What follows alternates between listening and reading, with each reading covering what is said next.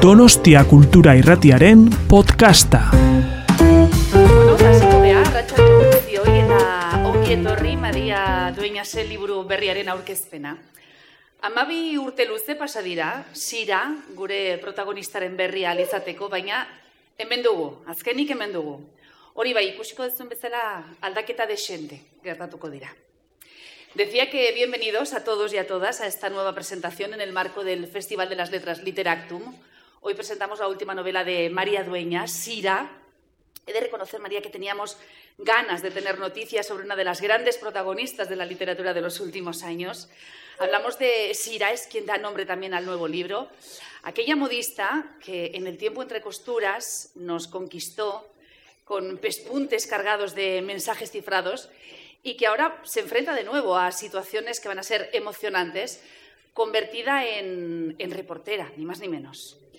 Como digo, ella eh, fue la protagonista del Tiempo entre costuras, es la protagonista de este nuevo libro. María, bienvenida, gracias. Muchas gracias a ti, Eva. Gracias a todos. Muchísimas, muchísima alegría. Muchísimas gracias por estar aquí. Muchísima alegría por poder volver a, a vernos las caras, ¿no? Después de todo este tiempo que, que nos ha tenido tan, tan distanciadas. Así que muchas gracias a, a todos los esfuerzos por parte de organización y de asistentes y, y, por supuesto a ti, Eva, por presentarme. Y, y vamos a ver si el virus este nos deja en paz y esto se sigue repitiendo y, y ya no frenamos los encuentros culturales y, y podemos seguir viajando y venir a esta preciosísima ciudad de San Sebastián que además nos ha acogido hoy con un día de lujo. Suerte que Sí. no vinisteis la semana pasada. Eso me han ¿eh? dicho. Te lo digo porque, Sí. en fin, tuvimos un poquito de diluvio. Eso me han contado, sí. Oye, María, ¿cómo ha sido tu reencuentro con Sira? ¿Tenías ganas de volver a encontrarte con ella, de ver cómo había cambiado en estos 12 años? Pues mira, ha sido bastante inesperado también para mí en un principio, porque después del tiempo entre costuras, con, con, bueno, todo lo que ocurrió, el éxito inesperado y, y cómo se fue sucediendo todo de una manera muy, muy imprevista y, y- y un poco casi a, a la carrera, cuando me planteé escribir una segunda novela, eh, me pedían constantemente una segunda parte de, Sira, ¿no? sobre todo los lectores muchas veces, oye, ¿qué pasó? Cuéntanos más, tal. Pero había sido, había sido estupendo todo lo que había pasado, porque bueno, está muy bien tener muchísimos lectores, que el libro se traduzca, que viaje a América, que se haga una serie, todo había estado estupendo. Pero había sido tan intenso, tantos días con Sira metida en mi vida que yo creí entonces que necesitábamos un descanso, necesitábamos que correr un poquito el aire entre nosotras y, y darle, y darle alas a otras nuevas historias. Y entonces, bueno, escribí eh, Misión Olvido, mi segunda novela, ahí estuvieron los lectores otra vez, luego vino La Templanza, luego vinieron Las hijas del capitán, y yo no había pensado volver, es que ni me había cuestionado volver a Sira otra vez, pero mm, yo viajo mucho a Marruecos, sigo yendo mucho a, a Tánger, a Tetuán, y siempre que vuelvo mm, mm, hago como con un pellizco de decir, jo, es que aquí hay mil historias más por contar, cómo me gustaría volver a estos escenarios con otra novela, cómo me gustaría seguir investigando qué pasó aquí, rescatar todo aquel pasado del- de, de las décadas de- del protectorado y de esos años del Tánger internacional. Pero yo sola me, como que me vetaba, me ponía una, una autocensura que realmente no venía nada más que de, de mí, hasta que al final, en un viaje, unos meses antes del principio de la pandemia, pues decidí dejar de, de obligarme a nada, porque realmente nada me, me prohibía ni me desaconsejaba volver a aquellos escenarios que además les habían gustado tanto a los lectores. Y entonces decidí que sí iba a volver, pero también fui consciente desde el principio de que si volvía a Marruecos tendría que ser de la mano de Sira, no podía traicionarla, entre comillas, con, con otros protagonistas o con, otra, con otros personajes. Y así fue como, como decidí volver a ella. Y la verdad es que ha ido, ha ido bien en el sentido de que yo también tenía un poco de reparo al principio a, a ver cómo va a ser este reencuentro, ¿no? si me va a costar volver a tener una relación fluida con ella. Y no, la verdad es que ha sido todo muy ha surgido de una manera muy natural, muy orgánica, su voz ha salido de, de, de, mi mente y de mis dedos, ¿no? pero no, no, no, me ha costado mucho trabajo, ha sido una experiencia muy, muy buena. Ha sido un bonito reencuentro y eso que nos dejaste con una sira en el tiempo entre costuras. Eh, en la que todos nos quedamos con una idea de aquella joven costurera, algo inexperta, algo Sí. insegura, bastante dependiente. Sí. Y nos encontramos ahora con una mujer que, tal y como ella misma dice en el libro, hace mucho tiempo que aprendió a cuidarse sola. ¿Qué ha cambiado? ¿Cómo es ahora, Sira? Sí, tienes, tienes mucha razón, Eva, en que eh, toda esa Sira jovencita de los primeros capítulos del tiempo entre costuras, cuando bueno, recordamos, mm, trabajaba en el taller de su madre y tenía su novio y luego llega el, el desgraciado de Ramiro y, le hace las jugarretas que le hace. Claro, ahí ella es muy inocente, muy vulnerable, no tiene experiencia vital, no tiene pues una jovencita de, de barrio de aquellos tiempos, dependiente de, de su madre, de su novio, de su pequeño mundo. ¿no? Y, luego, a lo largo de todo el tiempo entre costuras, es cierto que va evolucionando, se va haciendo cada vez más independiente, va, mm, madurando en muchos sentidos, pero todavía mm, tiene un cierto grado de, eh, de falta de autonomía, en el sentido de que cada vez que da un paso grande en su vida es porque alguien, alguien la empuja o alguien la arrastra o alguien le pide que lo haga y, no es ella la que toma sus decisiones ¿no? por, por sí misma.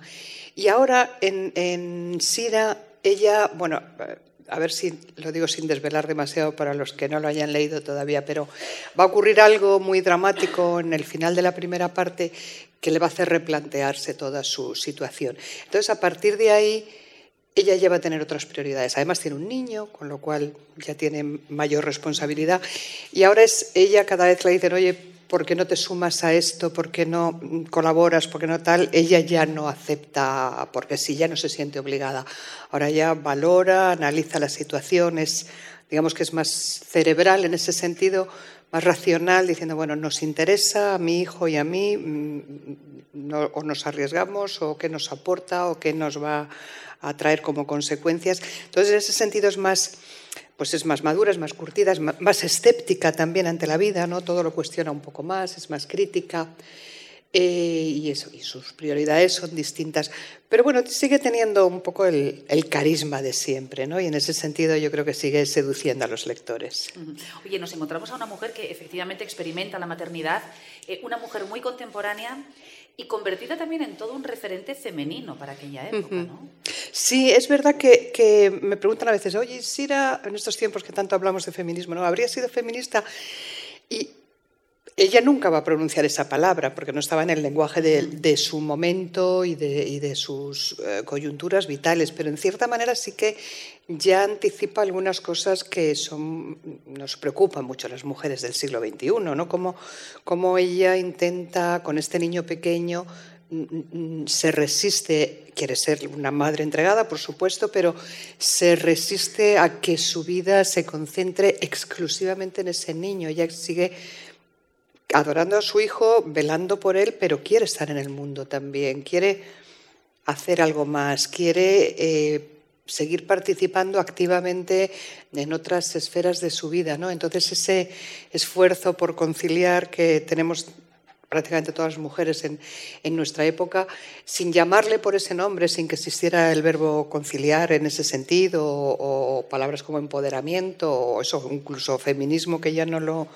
no lo oyera, eh, sí que mm, digamos que algunas pinceladas precursorias de lo que hemos tenido en estas últimas décadas sí que las vive ella en sus propias carnes. El libro recorre cuatro países en momentos uh -huh. históricos muy concretos. Eh, vivimos en la ciudad de Jerusalén bajo el mandato británico a las puertas de la creación del Estado de Israel, además. Eh, en una Londres devastada por la Segunda Guerra Mundial, en el Madrid de la posguerra, además con una visita por todo lo alto de Eva Perón, y en Tánger, en un momento de mayor esplendor. Eh, ¿Por qué estos cuatro lugares? ¿Qué significan para Sira y qué significan para ti también? Porque entiendo que tiene mucho que ver. Sí, algo, bueno, siempre yo suelo escribir sobre sitios que, que conozco, que me gustan, que me atraen, que me seducen de alguna manera. ¿no? Estamos en un momento histórico en el que ha terminado, o sea, en la transición del final del tiempo entre costuras a, la nueva novela, ha terminado la Segunda Guerra Mundial. Eh, en la vida personal, Sira se ha casado con Marcus, eso lo podemos contar porque está en la primera página. Sira se ha casado con Marcus Logan, el periodista, el supuesto periodista, que en realidad es un agente de los servicios secretos británicos, y, y el mundo bueno, teóricamente ha llegado la paz al mundo, pero en realidad el mundo sigue muy convulso. ha terminado la guerra, pero Europa está absolutamente desolada, absolutamente destruida. En breve van a empezar las tensiones con, con la Guerra Fría, se va a asomar, y hay otros, mm, hay otros nidos de alta tensión en el mundo, como es Palestina entonces, que está bajo mandato británico, como decías, y que y que ya atisba, después de la Guerra Mundial, todo el atisba no, ya está ahí el conflicto no solo entre árabes y judíos, que es el que ha permanecido desgraciadamente hasta ahora mismo, pero sino un conflicto triangular porque ahí estaban los británicos también, que eran un, poco los que estaban ejerciendo su, administración militar y colonial sobre administrativa sobre el, sobre el mapa de, lo que entonces era Palestina antes de, establecerse dentro del Estado de Israel. Y, y, entonces era un punto muy, muy conflictivo en el que tenían una función importante los servicios secretos británicos también.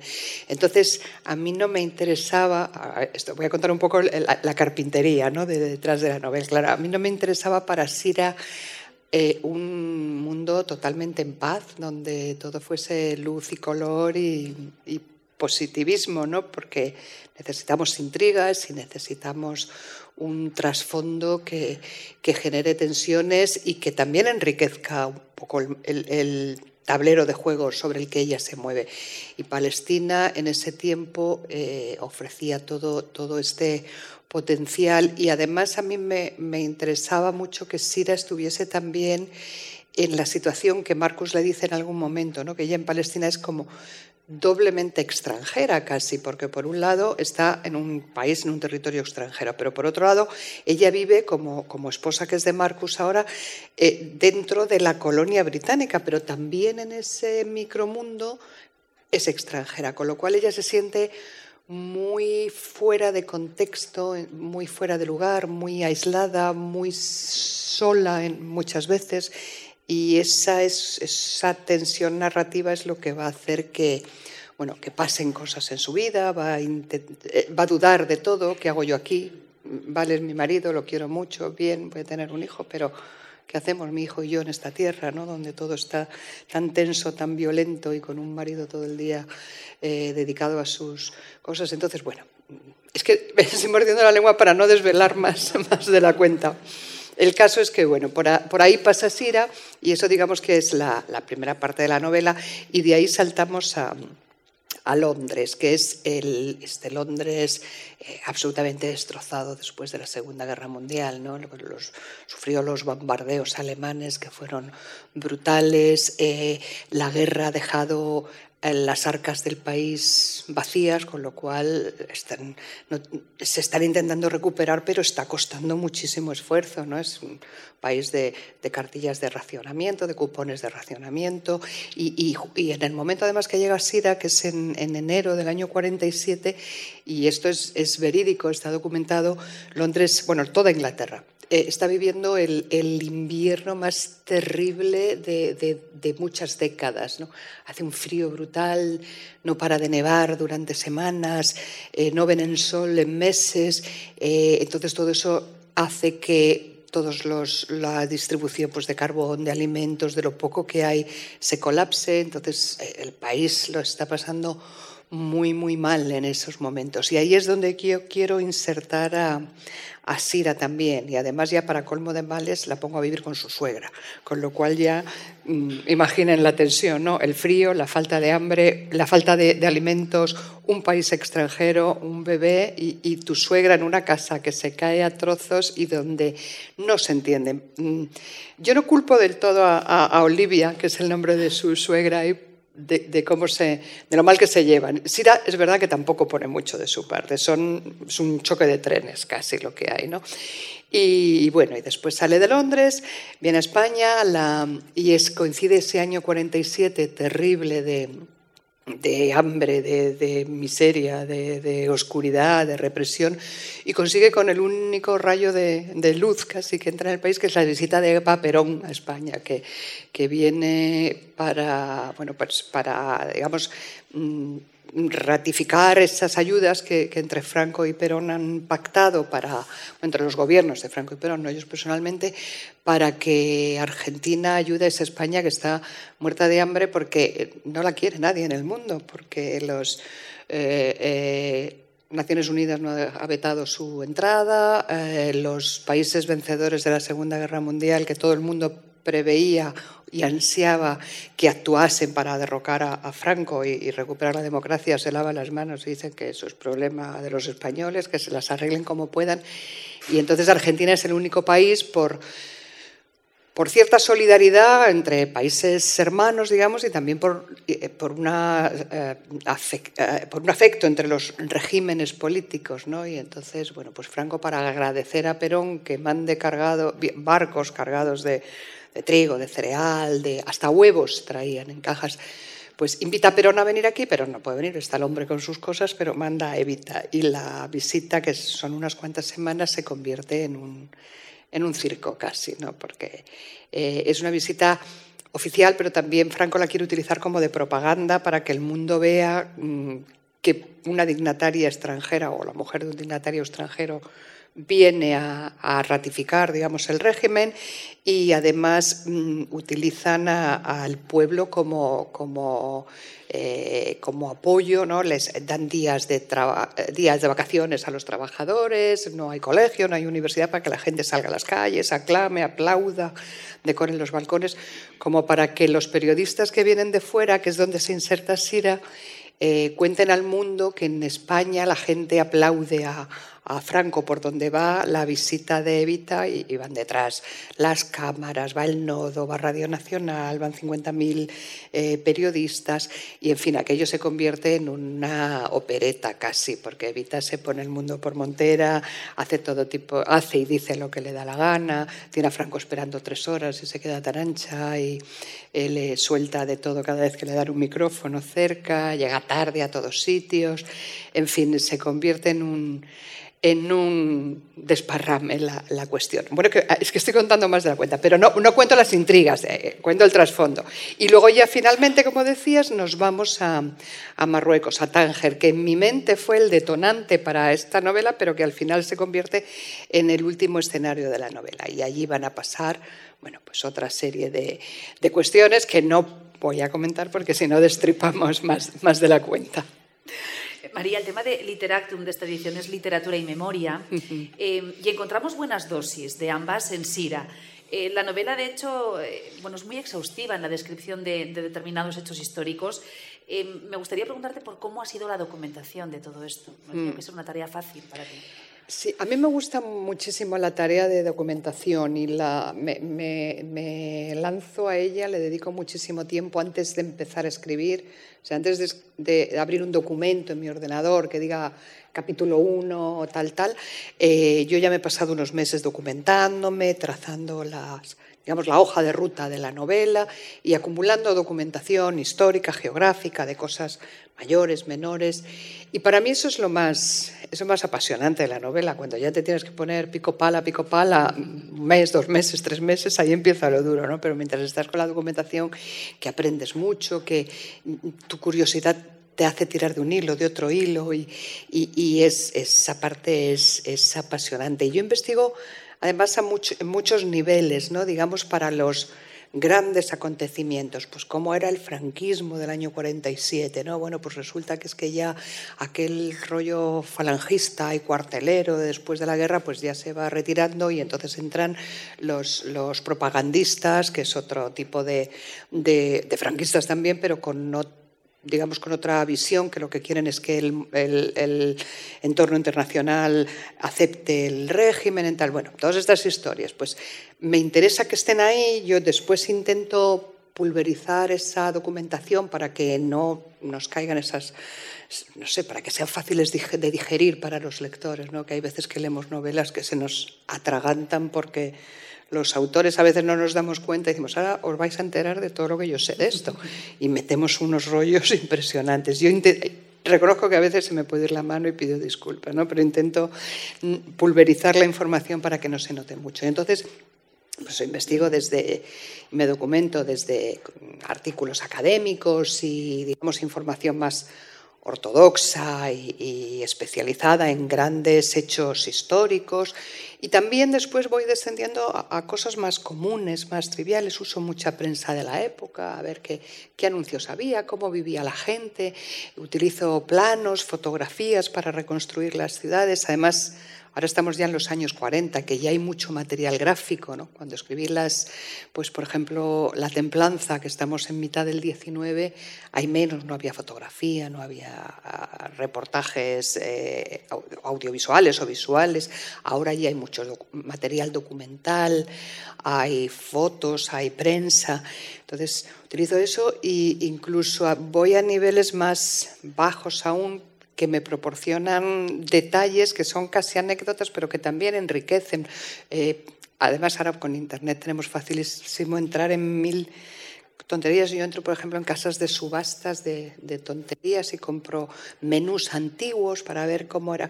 ¿Qué es que? Pues Evita va a cenar al Palace. Pues vamos a ver cómo era un banquete en el Hotel Palace de Madrid en el año 47. Pues encuentro el menú de Nochevieja de tal y que había, que se comía y ves que hay un montón de platos que ya como que han desaparecido. Mm, Será todo como muy afrancesado, que ya no es muchas cosas que ya no se comen, muchas gelatinas y muchas. Bueno, que voy a hablar de buen comer en esta tierra, pero, pero es curioso ver cómo todas esas cosas también han cambiado a, lo largo del tiempo, ¿no? Y bueno, y todo tipo de, documentación. Por eso leo mm, literatura de la época, libros de memorias, biografías, donde me cuentan de primera mano cómo era aquel mundo. Y una vez que ya tengo el tapiz, digamos, ya entonces empiezo a construir la ficción encima. Decíamos que un pasaje importante es la visita de Eva Perón a España en pleno régimen franquista. Em, ¿Qué es lo que te interesaba contar de esto exactamente? ¿Y por qué te centras en ese momento eh, eh, del, franquismo, en esa visita de Eva Perón? Es que casi que más que buscar yo la visita... Te vino. Mm, me vino, exactamente. Es que cualquier documentación que busques del año 47, qué pasó en la España del 47, salta la visita de, Eva Perón. Y, es que fue todo muy, muy grandilocuente y muy pintoresco y todo con la batuta del régimen marcando cómo tenían que hablar los periódicos, cómo se le dirigía a ella. Por ejemplo, no se dice. Evita Perón, entonces, por, ponerles en antecedentes, tenía 27 años, era jovencísima. No había salido nunca al extranjero en visita, ni en visita protocolaria, ni probablemente no protocolaria, y probablemente no se había subido un avión en su vida o muy pocas ocasiones. Y ahora resulta que la meten en dos hay dos aviones, uno de Iberia que pone Franco para ir a recogerla y por dentro lo, organizan todo, no eran las filas de dos asientos o tres asientos como ahora, lo organizan para que ella esté cómoda, pues como un avión casi privado, y, ahí viene ella con su séquito más cercano y luego un avión de la Fuerza Aérea Argentina que viene lleno de baúles de ropa y de sus asistentes. Eh, entonces, Evita tenía en, aquel entonces en, Argentina a la sociedad totalmente dividida. Había quien la adoraba y luego estaba la, oligarquía, como llamaba ella, pues la llamaba entonces, y a las, como decía ella, a las gordas esas de las oligarcas, que eran las clases altas y pudientes y y, económicamente potentes de la época que la odiaban, con un, odio furibundo. Entonces ella, para, es que es todo cosas, anécdotas, eh, pero que dicen mucho de la... Ella va a las mejores modistas de Buenos Aires a que le preparen todo el guardarropa para, para venir a España, a las casas de alta costura, pero claro, las pobres dueñas de las casas de alta costura están ahí entre la espada y la pared, porque si atienden a Evita, mm, van a disgustar a toda su gran clientela, porque es que Buenos Aires, bueno, Argentina entera era riquísima entonces, era rica, rica en todo, o sea, les sobraba el dinero, les sobraba la materia prima, eh, eh, había almacenes Harrods, mm, había mm, era un país muy moderno, con unas tiendas estupendas, con un nivel de vida enormemente alto. Es verdad que luego había, sobre todo en Buenos Aires, ¿no? las, las zonas más, más urbanas. Y, y, aquí todos tenían un.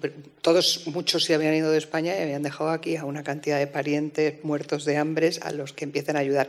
Bueno, pues entonces a Evita, yo no sé si en un acto de mala fe o de descuido, nadie le dice que va a llegar a Madrid a finales de junio con el calor este nuestro mesetario y claro, en Argentina es invierno y ella llega vestida de invierno, llega con abrigos de pieles, con abrigos de bisón, de Marta Cibelina, pero no un abriguito normal, con capas hasta el suelo, con una cosa espantosamente mm, fuera de lugar y nadie le dice nada y ella empieza a vestirse así desde el principio y sigue vistiéndose a lo largo de toda la visita. Va a Sevilla, va a Granada, va a Huelva, que hacía un calor en pleno verano y ahí llega ella. Además es muy gracioso porque viendo la documentación ves en las, cuando llega al aeropuerto, de, no se lo pone más por la noche, pero las primeras recepciones, la, la, mujer de Franco, Carmen Polo y las señoronas, así, pues van vestidas más neutras. Pero a partir ya de la segunda noche, que ella empieza a ponerse sus capas y sus tal, ellas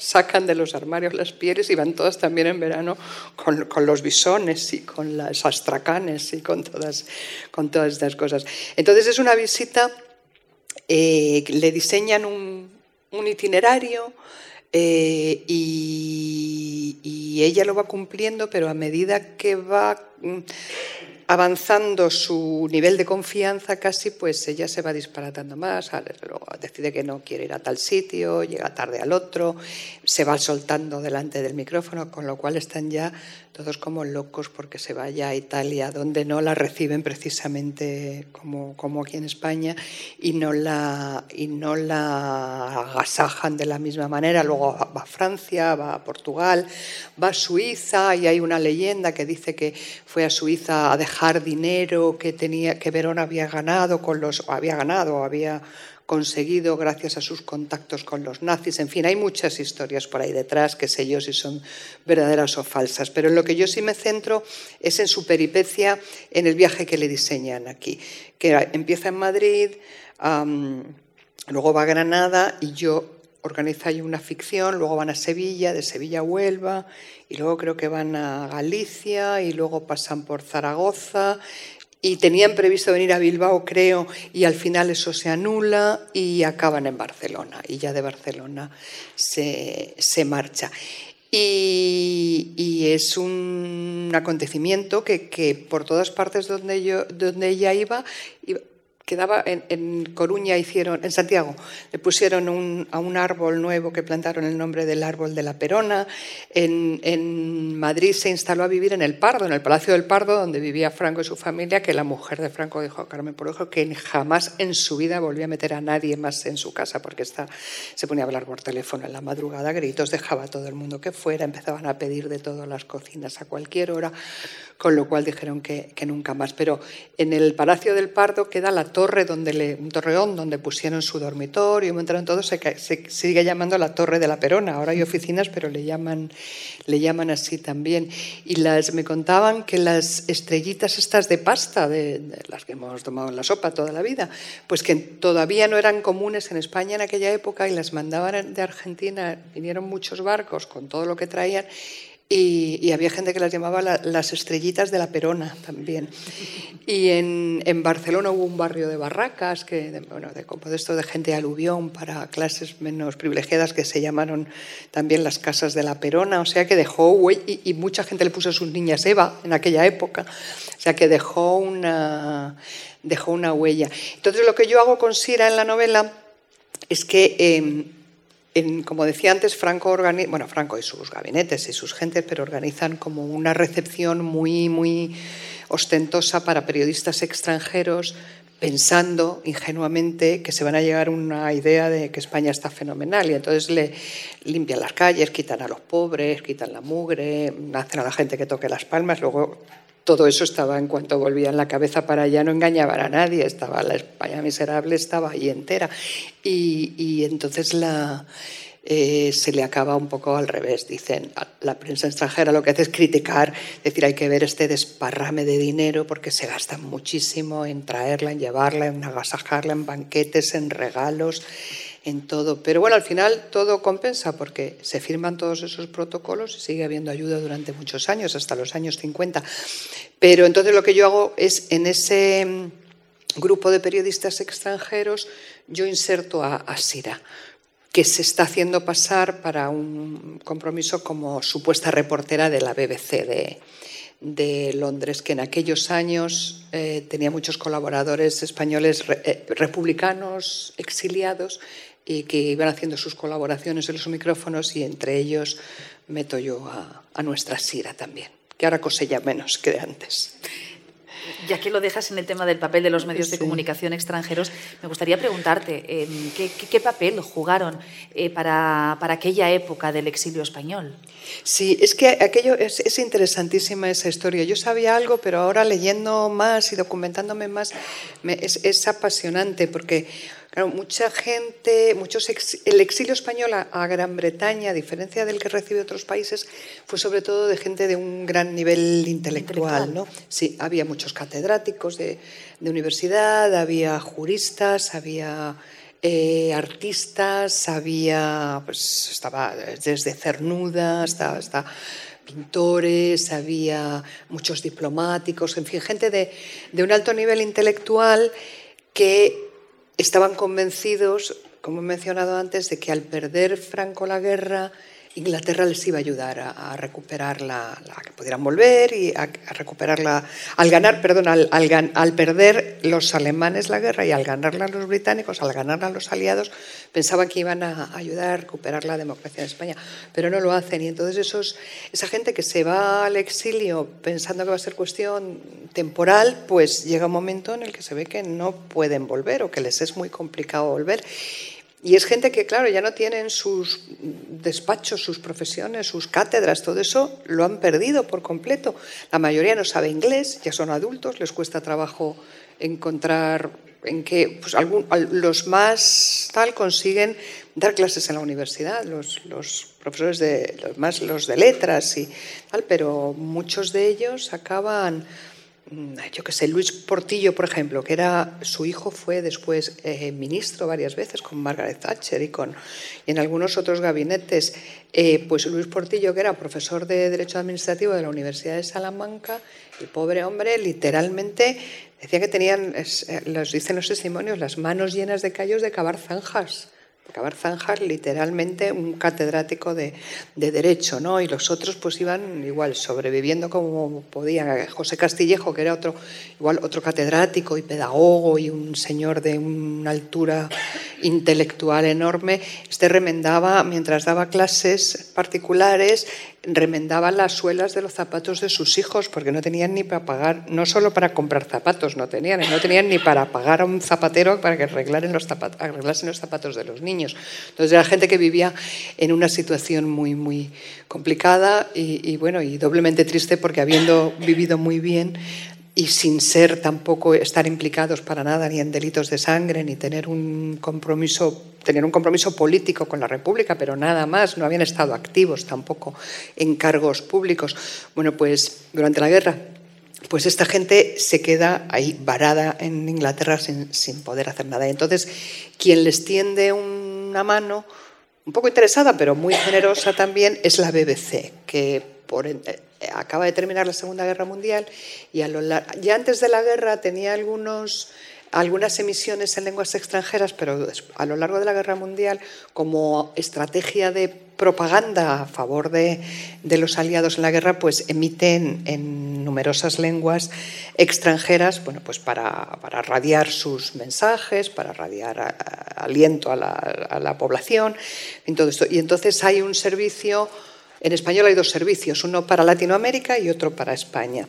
Y entonces muchos de estos exiliados los meten sobre todo en el servicio para Latinoamérica, porque con España no quieren tener problemas y algunos estaban significados porque habían tenido cargos de responsabilidad, pero no de responsabilidad política, pero sí de responsabilidad profesional. Bueno, no quieren problemas y entonces muchos acaban eh, colaborando con el servicio los servicios extranjeros, los servicios en español de la BBC, por ejemplo Arturo Barea, que es el, probablemente el más y se hacían muy. y muchos se hicieron, bueno, famosos como celebridades de la época, les escribían después de vuelta, y ellos contaban un poco de todo, pues cómo era la vida en Inglaterra, cómo cómo estaban las cosas, sus pareceres, sus historias. Hicieron un radioteatro con el Quijote. La primera vez que el Quijote se, se dramatizó en, en, radio no lo hizo Radio Nacional de España, ni la SER, ni nadie. Lo, hizo la BBC de, Londres y entonces hacían bueno, pues unas emisiones de mucha calidad, de mucha altura por parte de los, de los participantes y en ese mundo inserto yo también a, a Sira un poquito. Bueno, María, tú saltas a la fama como escritora en 2009, precisamente con El tiempo entre costuras, tu primera novela, eh, una de las más vendidas, además de los últimos años de la literatura española. Eh, se ha traducido a 40 idiomas, eh, creo que son más de 25 millones de ejemplares vendidos. No, no, no, no, no, son mucho menos, pero alguien ha dicho eso y se ha quedado... Me encanta, podría decir sí, pero no, pero es verdad que alguien lo, Ay, lo ha no. metido y está ahí, en la- aparece por ahí, por, por la web. Pero, ¿Cuántos pero son? no, ¿Sabes cuántos son? No, yo no lo sé exactamente, pero no creo que sean más de tres o por ahí, más o menos. Pero bueno, me encanta lo de 25. Pero aquí en confianza digo que es mentira, pero luego que circule por ahí. Oye, en cualquier caso, me gustaría saber cómo, cómo surgió este personaje en tu cabeza, cómo fuiste creando el personaje de Sira. Pues mira, Sira surge un poco como una excusa casi, porque cuando yo decidí escribir El tiempo entre costuras, o la novela que terminaría siendo El tiempo entre costuras, antes de tener ni argumento, ni personajes, nada, yo lo único que tenía claro era que quería volver la mirada hacia, hacia Marruecos en tiempos del protectorado, de, el tiempo de, presencia española en el norte de África. Porque yo tengo una vinculación personal, mi, madre nació allí, mi familia materna, mi abuelo llegó en el año 25, estuvieron allí hasta la independencia de Marruecos muchos años, y yo no viví allí, pero crecí con esa memoria familiar, sentimental, todos los días de mi vida. Mi madre nació allí en el año 40 y, y llegó a España en, en, el 57, con, con 17 años. Y, entonces todo lo que ella nos hablaba en mi casa de su infancia, su colegio, sus amigos, sus hermanos, su casa, todo pasaba por, por Tetuán, por Marruecos, por el protectorado, por África. Yo crecí con eso y era consciente de que en la narrativa española contemporánea se, no nos habían contado casi nada de, de, aquel mundo y entonces decidí que yo que tenía esa información de primera mano en mi propia familia, pues que ese iba a ser el contexto en el que yo iba a situar eh, esa primera novela que no sabía todavía de qué iba a ir la historia. Y entonces empecé yo conocía muchas cosas por mi familia, pero me faltaba conocer también la gran historia, digamos, oficial de aquel tiempo. Y entonces así fue como, igual que he dicho antes con Evita, que te saltan casi los, los propios personajes reales, pues me pasó con, con dos personajes fascinantes que fueron Juan Luis Becbeder y Rosalinda Fox. Él fue el, alto comisario de España en Marruecos en, los años de la Guerra Civil y después fue primer ministro de Asuntos Exteriores del franquismo una vez que, que acaba la guerra. Y, y, Rosalinda Fox era su amante. Y entonces eran unos personajes reales tan carismáticos, tan controvertidos, porque tienen muchas luces y muchas sombras los dos. Pero aún así es tan interesante su vida, tanto pública como privada, que yo pensé en principio que, es que ya casi me traían una novela entre las manos ellos, que podía escribir una novela más histórica con ellos. Pero después de pensarlo decidí que no, porque yo no quería escribir una novela histórica, yo quería escribir una ficción con un respaldo histórico nada más, pero quería tener una independencia para mover a mis personajes. Y entonces decidí crear una, un personaje nuevo, que fue Sira, una modistilla, pero una modistilla en origen, que luego evoluciona, pero yo pensé que el personaje de Sira no iba no iba a crecer tanto, ¿no? que me iba a servir casi como una excusa para contarnos la vida de Beigveder, de Rosalinda, de dónde iban, de dónde venían, y que ella iba a quedar un poquito mm, por debajo casi de, de los no de los protagonistas, ella iba a ser la protagonista de la narración, pero los, los, personajes que yo pensé que iban a cautivar a los lectores iban a ser los históricos. Pero luego me ocurrió eso que dicen que, que, pasa a veces a los escritores y que yo no me lo creía, y ahora les juro que es verdad, les prometo, no hay que jurar, les prometo que es verdad, que es que los personajes a veces se van un poco. Se te fue de las manos. Sí, se, se, se, van, te piden, te piden te más, más, más, más, y tú te sientas a escribir pensando que les vas a dar hasta aquí, y cuando terminas ese día se han ido un peldaño más, uno más, uno más. Entonces Sira empezó a crecer y al final ella sí que se hace la, la auténtica protagonista con, con, mando en plaza y los personajes históricos que yo pensé en principio que eran los más fascinantes quedan ahí, muy interesantes también, pero digamos que en un plano inferior a, al de Sira. Y siendo tú la que escribe, ¿cómo se le va a, a, una escritora, en este caso, un personaje de las manos? Es que yo, yo, a mí me ha pasado lo mismo, que yo antes de escribir, como lectora que era, como todos ustedes, eh, se lo oía o lo leía en entrevistas a otros escritores o se lo oía en alguna charla y yo decía, anda, este, este, este está para allá. ¿no? ¿Cómo se te va a ir? Tú tienes el control. No, pues sí, se van de alguna manera... Mmm, piden más, te piden, te piden, se van, van creciendo ellos solos y tú los, te puedes cortar y puedes decir, no, no te doy más, tú que te quedas ahí donde yo había pensado, o puedes decir, bueno, voy a ver que, por dónde siguen. Y si les dejas, te pueden llevar a territorios muy, muy, muy inesperados. Luego ya tienes que canalizar todo eso para que no se acaben yendo demasiado. Oye, María, ¿te ha condicionado la escritura de Sira, el, el, éxito del tiempo entre costuras? ¿Has notado una mayor presión por pensar que eh, si el tiempo entre costuras había tenido tantísimo éxito, mm. Sira tenía que llevar este mismo camino? No, realmente de verdad que, que con la mano al corazón te digo que no, porque yo cada proyecto, cuando tengo claro de qué voy a escribir, porque siempre hay un proceso de, de toma de decisiones, de qué quieres hacer, pero una vez que ya lo tengo claro y empiezo a escribir, yo me aíslo por completo. No, no tengo para nada en cuenta cuánto vendimos del libro anterior, cuántas veces estuvo en la número uno número lo que sea en la lista de más vendidos, a cuántas lenguas se ha traducido. Yo todo eso lo, lo dejo a un lado, me encierro a trabajar con mi ordenador delante, con mi historia en mi cabeza y, y no quiero ruido alrededor. No, porque si me estuviera condicionando esto gustará más, gustará menos, yo creo que eso sería paralizante, ¿no? Y, también condicionaría hacer un libro como más, uh, más artificial, ¿no? Menos, menos orgánico. Y, no, no, no, para nada. Quizá porque yo me suelo hacerlo así con todos los libros, ¿eh? Saco el anterior de, de delante y me centro en lo que estoy y y ya saldrá y bueno y te la juegas porque bueno yo por tengo la inmensa suerte de que los lectores siguen aquí pero bueno cada cada nueva novela es un es una apuesta digamos pero bueno, yo doy lo que mejor que puedo hacer y si, y si tengo la suerte de que me siguen viniendo a escuchar y siguen leyendo mis libros, pues de verdad que, que es, me siento muy afortunada. Tuvimos serie eh, de sí. Tiempo entre Costuras, serie uh -huh. para televisión. Sí. Tenemos serie de La Templanza. Sí. Vamos a tener serie de Sira también. Vamos a tener, sí, pero todavía no. Todavía no. Hay ganas, ¿eh? ya me han uh -huh. tocado a la puerta. Ya le han tirado los tejos a Sirita, pero. Pero yo prefiero esperar un poco porque la, la templanza se estrenó... ¿No 12 años? No, no tanto, no, tanto no, pero mira, la templanza que, que, se publicó en 2015, la serie uh, se estrenó en 2021, han tardado seis años. Las hijas del capitán, que es de 2018, están ahora con los guiones, con lo cual le quedarán un par de años así.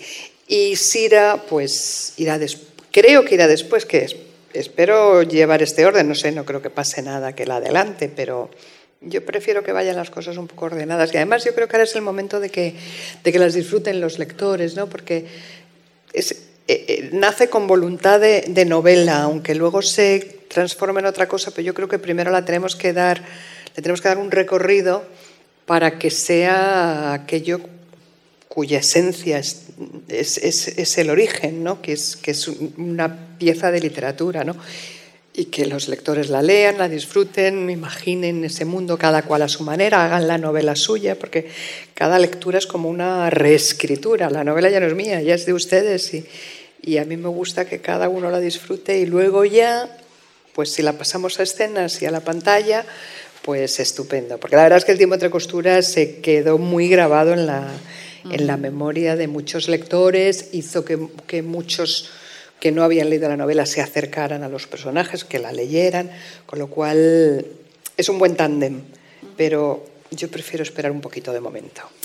Dicen que no hay dos sin tres. No sé si tendremos nuevas noticias de Sira en un futuro o si ya es un capítulo cerrado. Yo no lo sé tampoco, Eva. Es que, se lo juro, se lo prometo, es que no, no lo sé.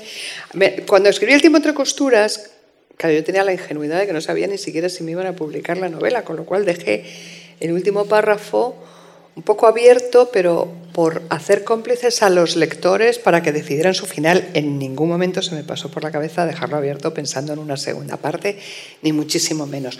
Pero hubo muchos lectores que me reprocharon que lo dejara cerrado porque eso lo he aprendido después a los lectores en general les gusta, a mí no, porque debe ser un poco rara y hay algunos que tampoco, pero a la mayoría les gustan las historias cerradas, bien cerradas. Y a veces incluso en las firmas, en las charlas, me, me venía a decir, ¿pero cómo acaba? Y yo, no, acaba como, como acaba en el libro. No, no.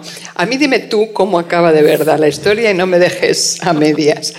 Entonces ahora, mm, para que no pase eso, es, he intentado ser muy cuidadosa con los últimos párrafos, de manera que nos puedan servir para las dos cosas. Queda ahí un poco ambiguo, ¿no? Pueda ser un, punto y final, y adiós a Sir hasta siempre, o pueda ser un punto y seguido y ya veremos qué vendrá en el futuro. Lo que sí tengo claro es que ahora no voy a seguir con Sira. De momento todavía no he arrancado, pero habrá otra novela que no tenga nada que ver. Y luego qué pasará en el futuro, pues ya veremos. Dependerá un poco de, no sé, de, de las ganas y de que ella toque a mi puerta otra vez. Ya iremos viendo. Oye, dices, habrá otra novela, de momento, bueno, pues eh, falta, pero no sé si, si estás ya pensando en tu cabeza. Muy, muy ¿Qué te gustaría? Muy poco, no lo sé. Yo tengo muchas ganas desde hace tiempo de escribir una novela más contemporánea. Y, de hecho, antes de Sira, antes de, de, que surgiera la idea de volver a Sira, yo había arrancado otra novela que iba a ser mi quinta novela y que dejé a medias, menos de a medias, y que se ha convertido, ahí esto eh, les va a encantar, se ha convertido en una ficción sonora eh, que está en podcast de ocho capítulos, que está en, Audible, en Amazon Audible. Eh, si tienen Amazon, no sé si alguien conoce la plataforma de Amazon Audible, está, si no la tienen, mm, se suscriben gratis y luego se borran. No pasa nada, ahora que no nos oye nadie. Pero es una ficción que se llama Jodidísimas, que ya sé que es un título que suena un poco ajeno a mis libros, pero, pero es muy entretenido y es como los, las radionovelas que hacía Evita, en las radionovelas de antes, es una ficción dramatizada, no es, no es como un audiolibro que va leído entero por una narradora o por un narrador. Esto está dramatizado pero con un elenco magnífico. Está Lolita, las protagonistas son Lolita, Cayetana Guillén Cuervo, Ani Gartiburu, Uh, Lucy Chipriota, que es una argentina magnífica, Alberto Amán, que es un actorazo. En fin, hay una gente estupenda, Mariola Fuentes, y es muy divertida y es muy fresca y es bueno y está teniendo mucho éxito en, Audible, tiene unas críticas estupendas y eso iba a ser una novela mía y se convirtió en esto. Entonces no sé si volveré por algo así más distanciado de lo histórico o no, todavía estoy ahí dándole Pero escuchen jodidísimas, que va a ser... Les va a encantar. Yo algunas noches que tengo así un poco de insomnio me lo pongo y me río yo sola, me parto de la risa a las 3 de la mañana porque tiene, porque es que ellas son buenísimas. Lolita haciendo de señora superpija abandonada por el marido que es un promotor inmobiliario que acaba en la cárcel. Eh, Cayetana Guillén Cuervo es una zafata que le ha abandonado el, novio cubano y está raja a cualquier hombre que se le acerca. En fin, y todos, eh, bueno, una serie de mujeres que, y algún hombre que a los que la vida se les complica inesperadamente y deciden sacar las uñas vengarse y salir adelante con un, pero con una intriga muy, muy entretenida. Y otra cosa que vamos a hacer con ya esto me, me adelanto, no sé si no nos va a Adelántate, adelántate. Es que vamos a hacer un musical del tiempo entre costuras. que no sé si les- sí, está ya en marcha, está ya en proceso de ensayo, se va a estrenar en Zaragoza a principios de diciembre, ya enseguida. Después va a Valencia y después va a seguir un periplo, pero desconozco todavía por qué ciudades exactamente. Pero ojalá. No sabemos si vendrá. Donosti todavía. Sí, ojalá, ojalá, porque la verdad es que no, no lo saben tampoco, lo están diseñando un poco en función de, de todo cómo va la normativa COVID, lo que se puede abrir o lo que no se puede abrir, pero ojalá que sí venga porque va, va a ser muy, muy bonito. Están trabajando con mucho talento, con... Además va a ser a lo grande, ¿no? Con 20 actores y actrices en escena y cantantes, vamos. Es, es, no es entero cantado, es como un, un teatro apoyado con música, ¿no? Va a ser una mezcla y con una orquesta de, de 8 o 10 músicos en directo, con el vestuario lo está haciendo Lorenzo Caprile, que es precioso, la escenografía muy bonita, o sea, para toda la escenografía tienen que usar cuatro trailers para moverla de, de una ciudad a otra, con lo cual vamos a ver, a mí me ilusiona mucho a ver si sale todo bien y a ver si pueden disfrutarla aquí en Donosti también. ¿Cuándo se estrena? El 3 de diciembre, 2 o 3 de diciembre, primeros de Digo diciembre. porque si el musical no, si Mahoma no va a la montaña, Ah, bueno, pues la igual montaña. alguien quiere saber ya Sí, para, sí. para La- poder acercarse.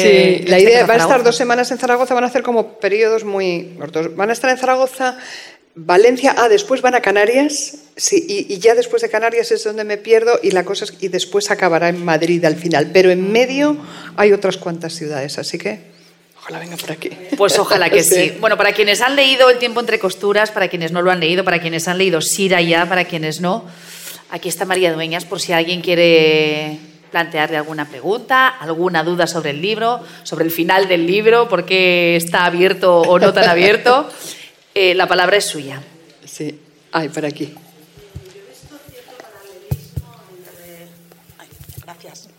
He visto cierto paralelismo, que igual es, ha sido cosa mía, eh, a la hora de cómo has comentado, cómo te documentas para hacer tu novela. eh, voy a desvelar un- también un, un capítulo. Sí. Cuando Sira va, va a ir a la radio, ¿no? Y entonces ella cuenta cómo se documenta, ¿no? Para, para mostrar un poco lo que es ser española en, en, esa, en, esa, en ese micromundo. Eh, y luego has comentado que Sira va creciendo a su libre albedrío, ha crecido más de la cuenta. ¿Crees que existe cierta analogía entre Sira y María Dueñas, que ha crecido más como mujer y como escritora, de lo que pensaba? Pues, pues no lo sé. Yo me preguntan muchas veces que cuánto de mí vuelco en los personajes y yo suelo decir que intento que muy poco. Yo intento que los personajes sean ellos y yo sea yo. Eh, ahora que está tan de moda escribir autoficción y todo eso, yo me sentiría absolutamente incapaz. Para esas cosas soy muy, no muy pudorosa, pero digamos muy privada, ¿no? Prefiero que estar los personajes por aquí y yo para acá. Pero sí es cierto que a veces se te puede escapar alguna cosa, ¿no? Y, y- das algo de ti a los personajes, de las cosas, sobre todo pues, de tus filias y tus fobias y, y a veces incluso de, de manera inconsciente. Yo recuerdo que cuando escribí Misión Olvido, una tía mía que es muy, muy lectora y muy, muy graciosa, mi tía Charo, me dice, ay, cómo me ha gustado esa escena tan bonita, casi lloro, con el perchero de tu madre. Digo, el perchero de mi madre, ¿qué me, qué me está diciendo del perchero de mi madre? Y yo vengo de una casa, somos una familia muy grande y siempre hemos tenido una casa familiar grande y, y en la entrada siempre había un perchero estos de árbol de toda la vida en el que íbamos tirando todos los hermanos, las, las mochilas del colegio, los abrigos, todos y seguimos, y los nietos han seguido el tiempo, de manera que se han roto ya, no es el perchero original, se han roto tres o cuatro y se va sustituyendo y luego se cae. Bueno, en fin, ese perchero tan lleno de cosas. Y entonces yo escribo una escena de, de una señora que trabaja en la universidad en Estados Unidos y que hablo de que sus hijos ya están fuera, pero que dejan cosas en la casa y que todavía se... eh, cuando Blanca Perea, la protagonista, llega a esa casa, la describe como, e, ella vive sola ahora, esta señora, eh, Rebeca, pero todavía se ve que, que, ha vivido una familia en esa casa y tal. Y hablo de que en un perchero hay colgadas cosas, pero a mí ni se me pasó por la cabeza que fuera reflejar el perchero de casa de mis padres pues hay quien interpreta ¿no? que algo tan cercano a mi propia familia yo lo he puesto ahí a propósito. Y yo digo que no, pero también pensándolo dos veces, quizá, claro, el yo tener esa mente y ese, referente y esa imagen, pues me ha hecho de una manera inconsciente transferirlo a, a, una novela. ¿no? Y ahora hablo de un perchero como puedo hablar de Sira documentándose, como puedo hablar de mil pequeñas cosas que al final pues la imaginación a veces se crea de la nada y a veces eh, son de pozos que tenemos dentro, pues que los vamos transformando y los, y los reconducimos hacia, hacia otras cosas. Así que puede que algo se me haya escapado, pero no lo he hecho a propósito. Gracias. Sí. Sí. Evita Perón, cuando vino a España, trajo cargamento de alimentos sí. para el pueblo. Sí. Porque aquí entonces estábamos en el año del hambre. Sí. Pues yo veo que has hablado de... Ya, echaron una película de eso, ¿eh? Sí, sí, sí. Sí, yo la he visto, ¿eh? Sí, Cartas a, Cartas a Eva, quiero recordar que se llamaba. No sé, yo el título no me acuerdo ahora, pero sí que eh, también eh, intentó salvar a ciertos presos. Sí. por cuestiones políticas. Pero Bueno. luego yo he leído que ella trajo un cargamento a España de alimentos para los pueblos españoles. Entonces la cosa estaba muy mal. Sí, sí, más de un cargamento. Ellas, sí. Franco y, y- bueno, no, Franco y Perón, el, el ministro de Asuntos Exteriores, Areilza, que, que, que era vasco también, y nego- empieza a negociar con era Exteriores, perdón, no, todavía era el embajador de España en Argentina. Empieza a negociar todo eso. Cierra unos contratos y digamos que la visita de Eva Perón es para ratificar que todos esos contratos y todos esos protocolos se van a llevar a cabo. Y se establece una especie de convoy de barcos cruzando el Atlántico que están desde el año 46, 47, que es cuando viene Eva, hasta ya entrados los primeros 50, llegando a todos los puertos, a los puertos del Cantábrico, a los puertos del Mediterráneo, lo mismo llegaban a, Málaga, que a Valencia, que a Bilbao, que a Vigo, con cargamentos de ayuda. Traían mucha carne, mucho cereal, mucho trigo, sobre todo le llamaban el trigo, por eso se quedó el mito del trigo de la perona, pero mucho cereal de todo tipo, pasta traían, y a mí eso me sorprendió muchísimo, dije, esto tiene que ser un error, y no lo era. Huevos, cajones llenos de huevos traía, porque no había ni huevos aquí, aquí no había de, de nada, y, y luego préstamos y dinero, y bueno, en fin, cuero para hacer supongo que zapatos o todo tipo de... O y sí, fue una ayuda que realmente mm, ayudó, ayudó en aquella época que había tantísima miseria. Luego ya en los 50 llegan los americanos, eh, y ya viene la otra parte de la historia. eh, Argentina ya empieza a tener sus crisis también y bueno, y aquello ya se deshace. Y luego cuentan siempre que, que Franco, que tan aparentemente acogedor quiso ser con Perón invitándolo y con Evita, luego cuando Perón viene a España, muchos años después, ni lo ve, vamos, absolutamente lo ignora y dice, ya se me ha olvidado, lo que si tú me ayudaste en algún momento, no me acuerdo. En fin, la historia. terminó la guerra aquí en los años 40 o 50, españoles fueron al Caribe, Venezuela, Argentina, Claro. Uruguay. Es que aquí no había nada. trabajo y ganaban dinero. Sí, es que... lo que pasa que después al cabo de años han venido eh, gobiernos corruptos en esas zonas y ha sido un desastre porque allí dicen, decían que el porvenir del mundo estaba en, en América y en África porque son países, países vírgenes. Sí. España, Europa ya es un- eh, eh, tiene la tierra gastada, Ya. pero allí en América y en África lo que pasa es que luego han entrado Sí. gobiernos Pero luego la, la vida da muchas vueltas. Y ahí estamos, sí.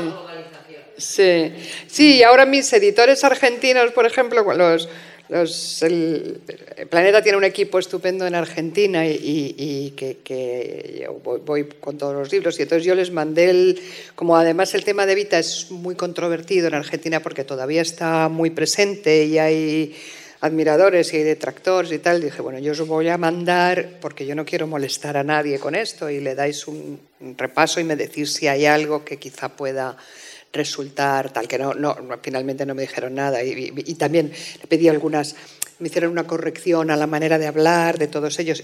No nada, pero me recuerdo que me decía una editora, todos sabemos que, que Argentina fue muy rica en, algún momento, pero no nos hemos parado a pensar en qué dimensión y con qué grado de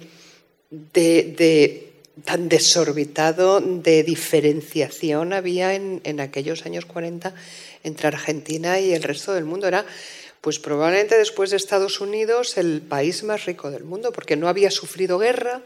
La guerra mundial, al revés, no solo no les había perjudicado, sino que les había afectado positivamente a su comercio, porque vendieron de todo a todo el mundo. Vendían a Inglaterra, vendían a todo el mundo, comerciaron.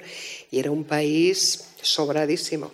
Y luego ahora los pobres están un poco, un poco peor. ¿Perón no estuvo enterrado en Madrid? Eh, no, estuvo el cadáver de Evita, bueno, yo no sé si, yo creo que él no, pero el cadáver de Evita, que le cortaron hasta las manos, eso es otra novela, si alguien quiere escribir aquí una novela sobre la segunda mujer y Perón y todos estos, y a Evita le, le desenterraron el cadáver, le cortaron las manos, bueno, en fin, una cosa horrorosa, horrorosa. Bueno, muy bien. ¿Alguna pregunta más? ¿No? No. Muchas gracias. A ver si consigo encerrarme porque como está nos ha pillado todo este tiempo tan raro con la promoción, pues pues va todo un poco un poco de aquella forma, ¿no? intentando que no haya problemas de aforo, que podamos ir a todas partes, pero les agradezco muchísimo que, que hayan compartido esta tarde con, con Eva, con Sira y conmigo. Claro. Bueno, si alguien quiere que María Dueñas le firme el libro, si alguien quiere comprar el libro, también lo puede hacer. Así que no nos queda más que agradecer muchísimo Por a María favor, que esté encantadísima. hoy con nosotros. Muchísimas que ha sido un gracias. placer. Muchísimas gracias.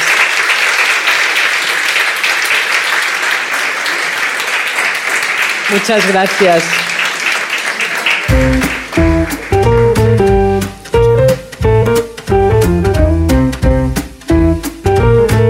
Donostia Kultura Irratiaren podcasta.